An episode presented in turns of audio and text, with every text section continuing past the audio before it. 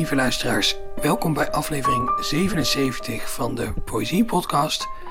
Mijn naam is Daan Doesborg en ik zit in mijn eigen huis. En daar zat ik ook toen ik eerder deze week een gesprek had met mijn gast van deze maand, Rodaan Algalidi, die zelf ook weer in zijn eigen huis zat, want we hadden dat gesprek op afstand. Wat eigenlijk altijd ellende is, want je moet met twee recorders werken. Waardoor je dus ook twee keer zoveel kans hebt dat er iets eh, misging. En jullie voelen erbij al hangen, dat ging er natuurlijk ook. En wel met mijn recorder die ermee ophield. Dat ellendige ding is na 77 afleveringen misschien een beetje moe geworden of zoiets. Dat heeft eigenlijk twee consequenties voor jullie. Namelijk dat we zo meteen heel abrupt in het gesprek gaan vallen met Rodaan die begint te praten over uh, Rutger Kopland. Wat op zich het natuurlijke begin is van elke aflevering, want dat is degene van wie hij een gedicht mee heeft genomen. En de andere consequentie is dat uh, in ieder geval uh, ik zelf klink alsof ik een kartonnen doos op mijn hoofd heb. Uh, de opname die Rodaan aan zijn kant gemaakt heeft is werkelijk prachtig geworden. Maar het gaat ook niet om mij, het gaat om hem. Veel plezier met mijn gesprek met Rodaan Al-Ghalidi. Ja, ik vind Rutger Kopland. Ik heb hem leren kennen als persoon. Ik vind een prachtig persoon eigenlijk. Zijn teksten zijn prachtig omdat ze komen uit een hele mooie, zuivere persoon eigenlijk. Je kan zijn teksten vertrouwen omdat ze komen uit Rutger Kopland. Nee, je hebt de mooiste stem ooit, dus je moet het doen. Snap jij? Dus je gaat het zo. En ik zou graag. Mag ik je vertellen hoe leest hij altijd? Hij leest altijd precies zoals jij praat, maar ietsje langzamer. En hij, kijk, sommige zinnen van hem lijken op een spreektaal die je hoort bij een psycholoog of bij de kapper of bij een bar na elf uur als iedereen dronken is. Maar doordat hij de tijd nam en de beste soort ademen, wordt alles wat hij zegt poëzie. En eh, bijvoorbeeld, als hij dit zo leest, ik heb de hond laten sterven, daar lag ze, nee. Ik heb de hond laten sterven. Dan is, nam hij diep adem. Daar lag ze. En ik dacht, zo, die, die stiltes, de stiltes die hij nam zijn, tussen zijn zinnen, is zijn poëzie. Als je het horen voorlezen, die stilte tussen elke zin die hij nam, is de beste poëzie in, in het Nederlands. Het is belangrijk. We gaan kijken. Ja, wat? Het, ik wil zeggen, het is inderdaad heel, heel belangrijk hè, bij een goede voordracht om vooral ook je tijd te nemen. Ja, dus we gaan kijken of het jou lukt. Als het lukt, jou lukt, krijg je van mij 10 euro. en als het niet lukt, het is jammer dan. Oké, we gaan luisteren. Oh, moet ik het voorlezen? Ja, oh, zeker. Oh, oké, uh, dat is goed. Zonder accent, met jouw stem is heel mooi, dus het komt goed. Dode hond. Ik heb de hond laten sterven. Daar lag ze. En ik dacht, waar gaat ze nu heen? Waar zal ze blijven? Om de dood te begrijpen. Het lichaam wordt wel gezien als een nest, het tijdelijk verblijf van een onzichtbare vogel, een afgezant van de eeuwigheid. Zo zie ik het niet. En toch, toen de hond stierf, wat gebeurde er toch, dat ik wist dat ze stierf alsof haar lichaam door iets werd verlaten. Ik kan niet anders zien dan dat die dode hond nog leeft en om mij vraagt. Zo sterk is de herinnering. Sterker dan ik. Maar wat van mij hield is weg. Ik graaf een gat, leg wat er overbleef daarin en gooi het dicht. De hond is nergens meer. Iedere dag. Hoe mooi is dat? Dit is zo dagelijks, zo rakend, zo simpel, zo diepzinnig, zo niet simpel, zo niet diepzinnig, alles samen. Dit is, hij kan dat heel goed. Maar je hebt het zo mooi gelezen, dus de mensen zullen het meteen voelen hoor. Ja, ik, ik denk ook dat iedereen die wel eens een hond begraven heeft, uh, eigenlijk precies weet wat er met dit gedicht bedoeld Niet wordt. alleen een hond. In een fotootje verbranden van dierbaren die klotzak geworden met de tijd. Of een hamster, of een dino. Alles wat begraven, of een gevoelens voor... Dan voel je de poëzie. De, de hond hier is een soort symbool voor alles wat dierbaar is. Zo dichtbij, zo stil, zo warm, zo echt en dan meteen verdwijnt is niet een beest, de hond hier, maar iets anders, denk ik. Dat maakte het zo universeel. Je, bedoel je dat, die, dat, die, dat je van die hond eigenlijk van alles zou kunnen maken? Nee, Of- nee, nee, ik bedoel dat Rutger Kopland had niet alleen een hond, maar zoveel van hem in die hond heeft gezien en gevoeld. Dat die hond was niet alleen een staartje en blaffende of riem of een zakje voor het droog. Nee, het is die aanwezigheid, die aanwezigheid, die warmte, die veel geeft en niks neemt behalve een beetje iets lekkers, een beetje wandelingje vier keer per dag. Eh, ja, dit is, zie je het zo hier. Hè. Dit, is een, dit zijn twee, twee wezen op deze planeet. Rutger en die beest. En, eh, en die beest is weggegaan, maar hij zal... En die beest, als dit gedicht voorleest, gaat hij huilen van... Oh mijn god, die man was anders dan ik dacht. Hij gaf mij de mooiste wat in zijn hart en zijn hoofd. En in de dag der orde na de dood, die hond komt naar Rutger en zegt, oh Rutger, die gedicht over mij was zo goed. Ik vind het geweldig, daarom ik vroeg God een beetje dat jij mee naar de hemel gaat. Die soort dingen vind ik fantastisch. Ja, denk je dat je met poëzie kan, kan zorgen dat je, dat je naar de hemel gaat? Eh, Ik bedoel niet, dat is een beetje te veel fantasie, maar niet naar de hemel gaat. Als jij iemand die troost geeft, dat is toch een hemel. Toch? Als je iemand heeft veel verdriet in hem, en dan lees je iets voor hem en laten lachen of huilen, of maakt niet uit wat. Dat is toch prachtig. Waarom gaan we soms 45 minuten naar een psycholoog of een psychiater. Hij doet alsof hij luistert, maar hij doet niks. Omdat we hebben gevoelenissen, angst in ons en die moet uit. En de poëzie is in de beste soort eh, beetje lijn tussen wat niet mag gezegd en gevoeld worden en de buitenwereld. Maar niet, ik bedoel niet alle poëzie, maar ik bedoel de poëzie die uit het hart komt. Poëzie zoals die van Rutger Kopland. Ja. En, en, en ik ben ook vaak geraakt door liedjes. Sommige eh, de zangers zijn ook prachtige dichters, eerlijk gezegd.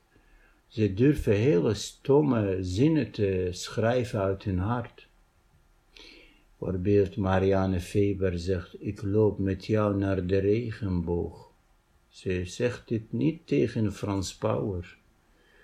Maar meteen denk ik aan de regenbogen in eh, tropische eilanden, zo regenbogen, loop met jou. Dat is toch de goedkoopste zin. Maar als je een regenboog ziet, dit is toch prachtig. ik zou het niet durven zo'n zin te schrijven, maar ja, zoiets is het eigenlijk. Ja, en het, het raakt ook wel aan, volgens mij, wat, wat Rutger Kopland als dichter doet. Want die gebruikt ook nooit dure woorden of, of ingewikkelde literatuurverwijzingen. Ook zo'n gedicht als dit over die hond. Het is, als je naar de woorden kijkt, en naar de- dan is het allemaal eigenlijk heel recht toe, recht aan. Maar er zit wel een hele wereld in. Ja, ik zit te denken soms dat hij geen dichter was, maar iets hoger. Denken met zijn hart, niet met zijn hoofd. Hij is een hele gevoelige man. Maar ik denk, als, als ik zijn versen lees, dan is hij een soort, eh, weet je, net als Sophie, weet je, iets zoekend altijd naar iets, om eh, woorden om iets te zeggen die heel ingewikkeld in een hele simpele woorden. Ik denk dat hij is zo iemand, denk ik. Ja, ik, vind, ik, heb... ik, zag, ja, ik zag hem heel graag vroeger, hè. Heel graag, altijd. Prachtig. Als hij een festival is, dan meteen die festival is uh, die Rutger Kopland Festival, voor mij. Ik heb daar ook altijd wel heel veel, heel veel bewondering voor, hoe hij hierin slaagt om, om het allemaal heel simpel en heel sec te houden, zonder dat het uh, uh, makkelijk wordt. Ja, en ik denk dat hij zeker van al zijn oeuvre heeft hij vijf gedichten geschreven die altijd blijven, tijdloos. Omdat uh, je moet weten dat veel dichters hun gedichten gaat weg als oude papier in hunzelf, in hun leven, snap je? Maar hij heeft zeker vijf, misschien meer, blijven die voor altijd een leven, die gedichten, omdat ze zo mooi en zuiver zijn. Ja, dat is wel het hoogst haalbare, denk ik, hè, als dichter, dat je, iets, dat je iets maakt dat zo goed klopt, dat het eigenlijk bijna onsterfelijk wordt. Ja, omdat je moet weten dat Shakespeare had alleen maar zeven monologen ook. Met al die stomme theaters, hij had zeven monologen. Of acht of negen. Monologen van Macbeth, Hamlet. En de rest is allemaal beetje oude mopa die wordt gezien nu als intellectueel doordat de Engelsen hebben van hun taal internationaal gemaakt. Je moet weten dat het woord to be or not to be in die tijd was onzin. Ja? Hoe bedoel je? Net, nee, to be or not to be in de tijd van Shakespeare, net als uh, ik heb geen bananen vandaag, ik heb radijsjes, hele mooie witte en rode. Dit is niks. En uh, to be or not to be. Maar dan, uh, na al die jaren, ja, to be or not to be, that is the question. Maak het heel groot. En als spier komt nu, en je zegt, ik geef je Himlit, ga daar redactiewerk doen. Misschien gooi hij de mooiste die wij nu vinden weg. Zo is het eigenlijk. Dus misschien zitten er over 500 jaar zitten literatuurwetenschappers wel met heel moeilijke gezichten te zeggen. Maar de baas zei ja. Ik heb geen bananen. ja, ja, maar dit is het. Het is het zo. Uh, maar niet voor alle dichters. Zo voorbeeld vind ik Dante Alighieri beter dan Shakespeare miljoen keer. Dat die man weet wat hij zegt. Omdat hij was heel religieus en helemaal niet. Die combinatie van religieus en niet maakte jou soms heel goede dichter. Oh, ze Dante Alighieri is geweldig. Ik vind hem de hoogste op deze planeet alle tijden. En ik bedoel in de heel, alleen de heel. Inferno, die goddelijke komedie. Ja, wat vind je daar zo goed aan? Man, man, man, man, man, man. De vraag moet, wat, waarom vind je niks zo slecht in dit boek?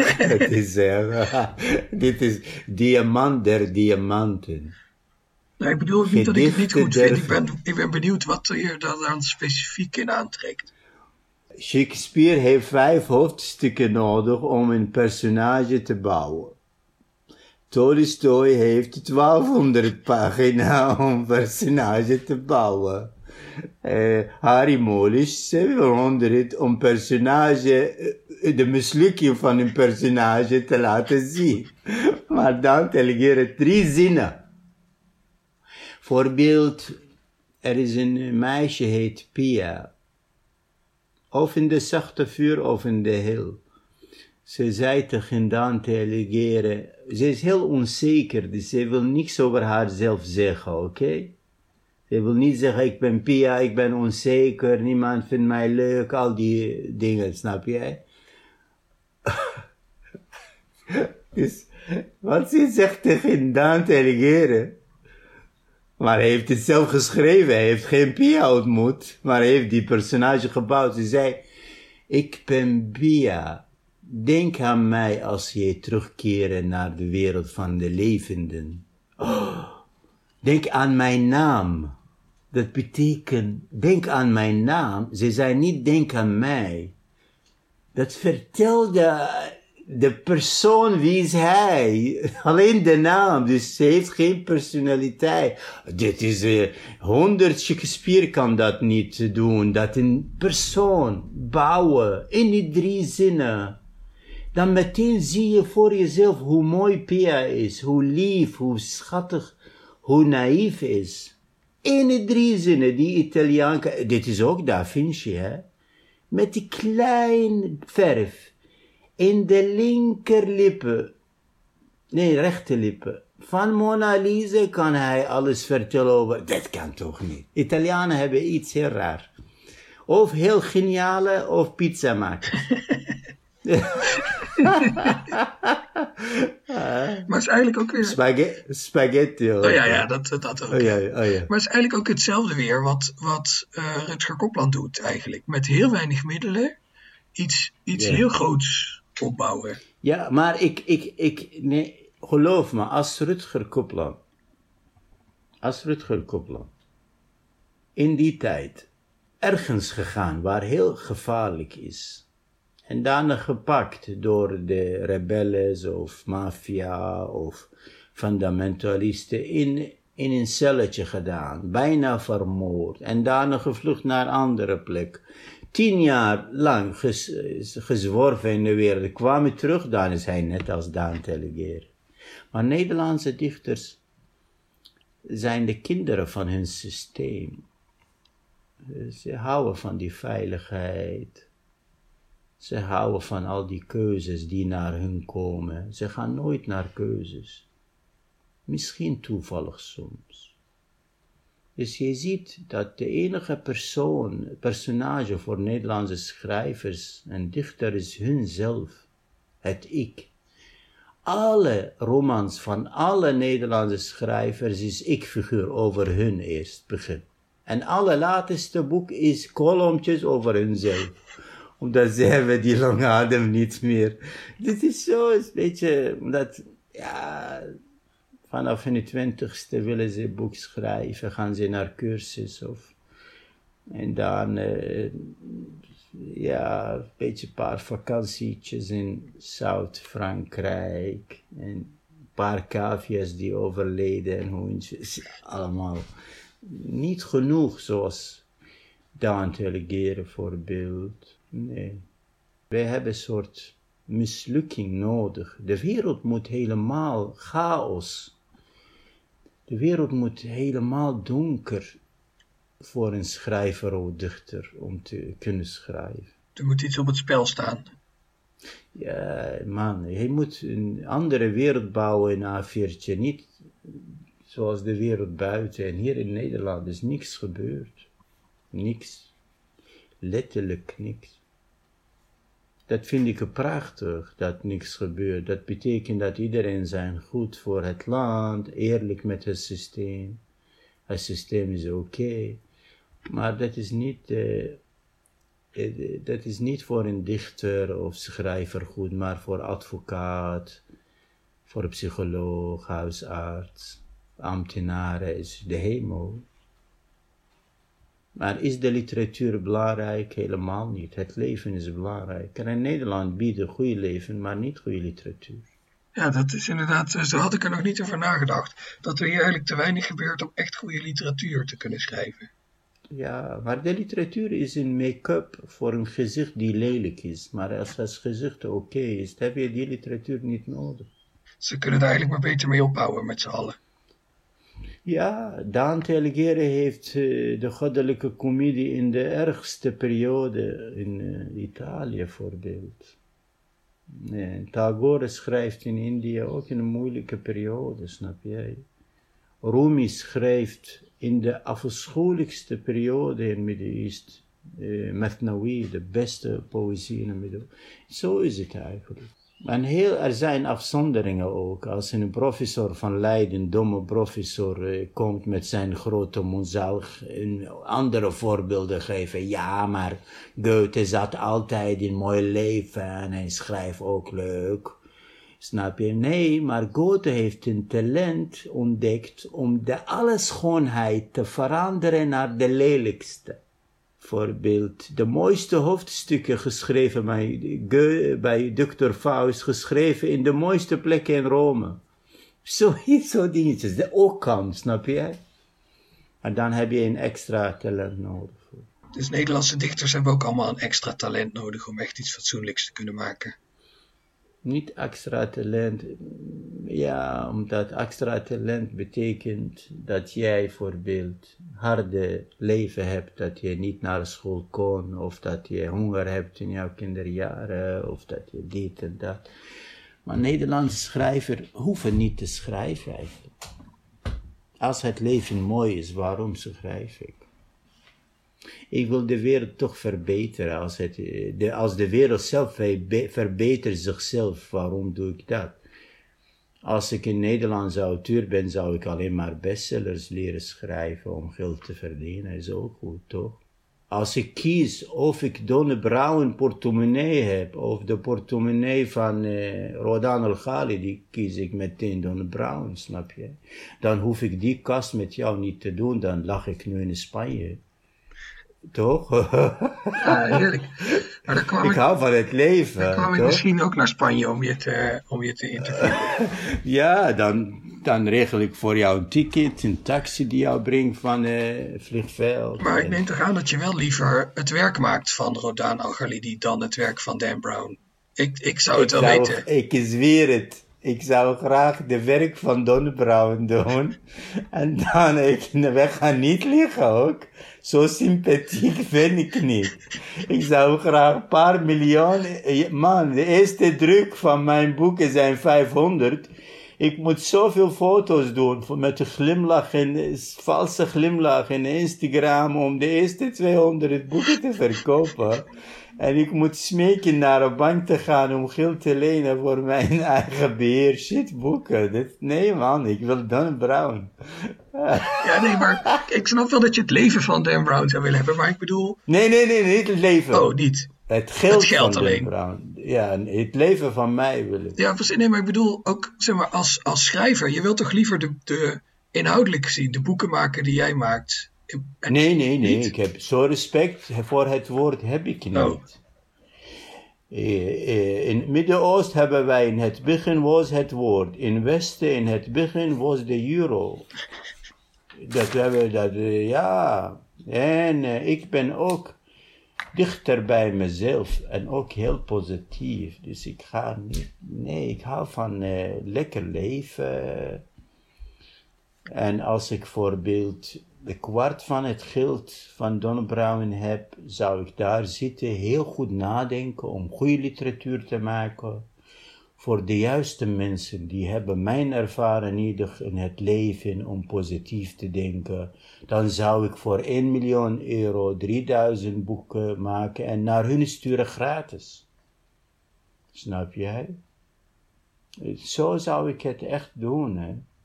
Je hebt ook een gedicht van jezelf uh, meegenomen. Ja, ja, ja. Zou je dat willen laten horen aan ons? Heel graag, heel graag. De titel is Voor Altijd. Leven, kom met mij samenwonen. Deel met mij niet alleen de woonkamer en de slaapkamer, maar ook mijn hart en elke seconde Leven, leven, leven, samen, samen, jij en ik. Ik heb je lief, ik zal niet jaloers zijn, als je ook met een ander gaat. Leven, kom met mij samen wonen, ik de muren, jij het thuis, voor altijd. Dankjewel. Ja. En waarom heb je speciaal dit gedicht uitgekozen om hier te lezen? Te lezen. Het is een, uh, ik uh, heb een hele dramatische gebeurtenis in Irak. Ik ga het nu niet vertellen omdat het is januari. En ik was echt in de donkerste periode in mijn leven. En ik dacht, wat een gat is dit. En ik heb dit gedicht geschreven als roep voor het leven. Geloof me, meteen ging ik thee maken en ging ik voorlezen en ik voelde me zo lekker. En het is zo simpel, maar het eh, betekende voor mij die avond, die donkere avond. Het lijkt op de eh, nacht van de lange messen van Hitler tegen zijn vrienden. en door dit gedicht ben ik gered van uh, Hitler, van het Midden-Oosten, IS. Dat is de kracht van de poëzie. Leven, kom met mij samen wonen. Oh, deel met mij. Kijk, niet alleen de slaapkamer en de woonkamer, maar ook mijn hart. In elke seconde. Leven, leven. Meteen in één keer geschreven. Leven, leven, samen, samen, jij en ik. En meteen, ik voelde dat alsof je net in wachtwoord getypt en meteen krijg je wifi in jouw telefoon. Dan alles werkt. Meteen voelde ik mijn maag werkt, mijn hart, mijn longen. En dat is de kracht van de poëzie. Daarom vind ik het een, hele, de, een van de naïefste gedichten die ik heb geschreven, maar heel dicht bij mijn hart. Een soort poëzie als zelfgenezing eigenlijk. Ja, ja, ja, ja, absoluut. De, de poëzie, elke mens op aarde, denk ik, moet een boekje kopen en 30, 20 gedichten daar schrijven die hij geweldig vindt. In zijn uh, puberteit of in zijn oude jaren. Maakt niet uit van een liedje van, maakt niet uit. Maar die gedichten altijd, als hij ze leest, maken ze van hem, ze brengen hem naar de andere versie van hem toen hij gelukkig was, toen hij sterk was. Ik geef een voorbeeld omdat de nieuwe generatie vertrouwen dat is precies jouw laptop is kapot en je kan hem terugsturen naar andere datum waar alle programma's stonden. Hoe is hij dat in de laptop? Installatie? Ja, uh, nee? ik... installeren? Nee, nee, terugzetten. Ja. En dit is het terugzetten. Dit is de poëzie kan dat doen met de ziel van een mens. Dus elke mens, ook als hij geen poëzieliefhebber of zo, hij die kleine gedichten, die brengen hem altijd naar een goede versie van zichzelf. En dit is voor mij is dit gedicht. Trouwens, je bent ook, uh, wat soort gedicht vind jij zelf leuk? Jij eigenlijk. Ik ga jou interviewen voor één minuut. ja, dat is goed. Um, nou, ik denk, dat er, ik denk dat er ook wel, ik denk dat bijvoorbeeld Menno Wigman is misschien wel een van mijn favoriete dichters. Die heeft ook dat soort gedichten uh, ges geschreven. De meeste van zijn gedichten die, die, die, zijn, die doen eigenlijk het tegenovergestelde van wat je net omschrijft. Die brengen jou vooruit naar een plek waar het allemaal mis is. En daar kan je dan, dat vind ik spannend, om daar eventjes, en veel van zijn gedichten gaan over ziekte en over, en over dood en over verlies. En in die gedichten kan je dat even voelen. Maar in plaats van met, met als je echt rouwt om iemand, bijvoorbeeld om uh, Menno, zo'n gedicht dat houdt ook weer op. Dus je kan even proeven. Het is misschien ook heel Nederlands van me hoor. Gesproken als iemand die een leven heeft waarin niks gebeurt. Je kan even proeven aan de ellende. Um, Maar eh, er zijn ook hele. Als, als je zegt van gedichten die je even terug kunnen brengen naar een plek waarin je gelukkiger bent. Die, dat ken ik ook wel. Is, is, Menno heeft ook een heel mooi gedicht over dat hij in bed ligt. En uh, zijn mooie geliefde die loopt naakt door de kamer. En hij ligt daar in dat bed en hij denkt even, god, wat is dit een fijn moment. Uh, oh ja. Ja, en dan... Misschien zou je dit gedicht eigenlijk straks zoeken en dan voorlezen als het einde voor die prachtige interview. Oh ja, dat kan, dat is goed. Als je dat doet, dan neem ik jou mee naar Zweden als ik ooit na honderd jaar de Nobelprijs voor een letter krijg. Oh, dat is goed. dat we dat afspreken. Ah, ja, oké. Goed. Hey. Nee, nog, ik heb nog een andere vraag. Ja, oh. ah, Oké, wanneer begon je eigenlijk gedichten te lezen en dan uh, aandacht te geven aan de poëzie? Ik denk dat het echt begon toen ik op de middelbare school zat. Toen had ik een leraar Engels en die uh, hield erg veel van, van poëzie en ik was blij. Hoe heet, hoe heet die leraar? Hij heet Eddie Egan. Oh, dan gaan we hem groeten vanaf hier. Eddie Egan, je bent echt geweldig. Oké. Ja. ik was blijven zitten, en ik, maar, ik had, maar Engels, dat, daar was ik wel goed in, dus ik verveelde me. Dus hij gaf mij altijd poëzieopdrachten. Wauw, hoe mooi is dat? Ja, was echt heel, uh, was heel mooi dat hij dat Zo gedaan bijzonder. heeft. Oh. En toen dacht ik, goh, dat, moet, dat, is, dat is leuk. Kan ik dat zelf niet ook? Heb ik dat En de laatste vraag van mij Ja. is... Hoeveel geef je van 10 aan ons interview? Of, of, of, uh, nou, ik, ik, wel zeker een, ik geef het wel zeker een 8, denk ik. 8 van 100 of van, van 10? 10? Ja, ja. Oké. Okay. Als je nog een vraag hebt, uh, dan beantwoord ik het anders. Eindig jij straks met die gedicht die jij van Menno. Ik vind Menno geweldig dichter. Ik was altijd blij om hem te zien, omdat hij ziet als een uh, acteur, als muzikant, maar ook dichter.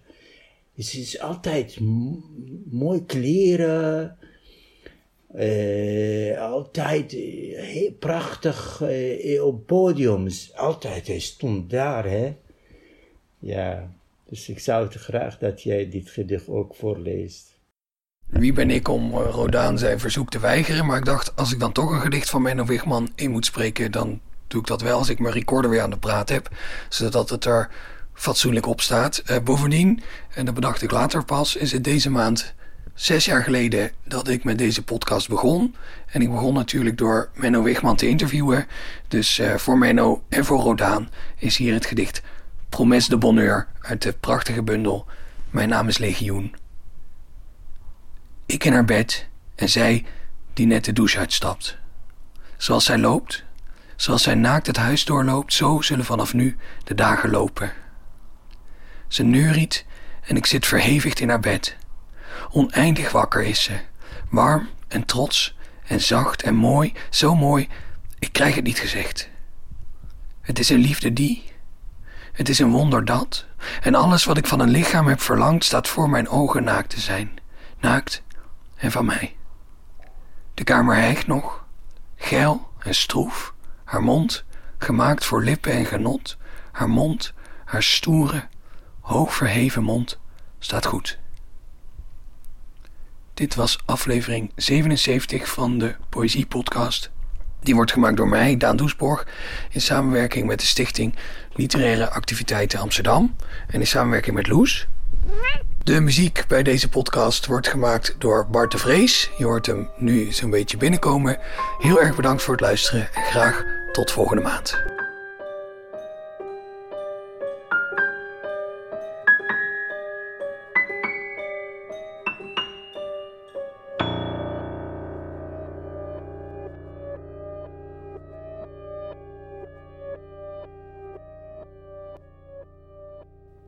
Je luisterde naar een aflevering van de Poëzie Podcast. Daan Doesborg is schrijver en presentator. In 2010 werd hij Nederlands kampioen Poetry Slam. Momenteel werkt hij aan zijn debuutroman, die zal verschijnen bij uitgeverij Van Oorschot. De Poëzie Podcast wordt mede mogelijk gemaakt door de Stichting Literaire Activiteiten Amsterdam.